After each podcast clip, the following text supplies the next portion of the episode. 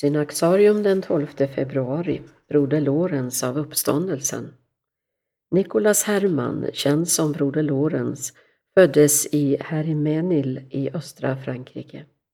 Bristen på mat och arbete ledde till att han som ung sökte sig till armén. Här fick han åtminstone mat för dagen. Det var under denna tid, vid 18 års ålder, som han var med om en erfarenhet som skulle bli inledningen till hans andliga pilgrimsfärd.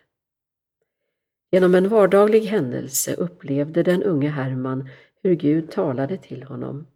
När han en vinterdag betraktade ett naket träd, avklätt sina löv och sin frukt, blev det ett hoppets tecken, en bild av Guds överflödande nåd och försyn.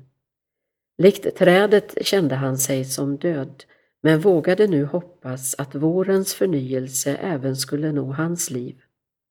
I den stunden väcktes inom Herman en kärlek till Gud som aldrig skulle slockna. När han tvingades lämna armén på grund av en skada sökte han sig till ett karmelitkloster i Paris. Där levde han under återstoden av sitt liv och fick framför allt sina arbetsuppgifter i köket. I klostret tog han sig namnet Lorens av uppståndelsen. Trots hans ringa utbildning och ställning i klostret drogs många till honom genom den frid han utstrålade. De insikter han förmedlade i samtal och i brev kom senare att utgöra grunden för en bok som tillhör de senare århundradenas andliga klassiker, Att leva i Guds närvaro.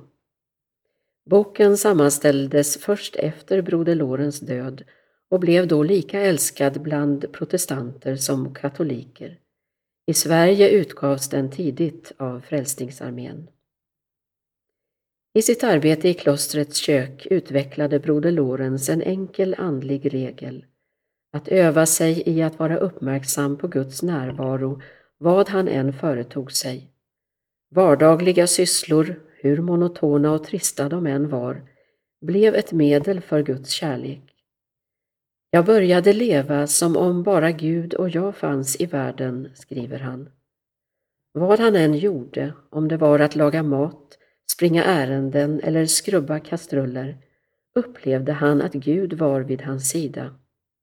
Han skriver För mig är det ingen skillnad mellan tiden för arbetet och tiden för bönen. I stöket och chattret i mitt kök, där människor ropar efter olika saker i munnen på varandra, äger jag samma stillhet i Gud som när jag står på knä inför det välsignade sakramentet. Broder Lorenz visste att vägen till denna förening inte var enkel. Hans liv var en övning, inte sällan fylld av kamp, i att leva i Guds närvaro.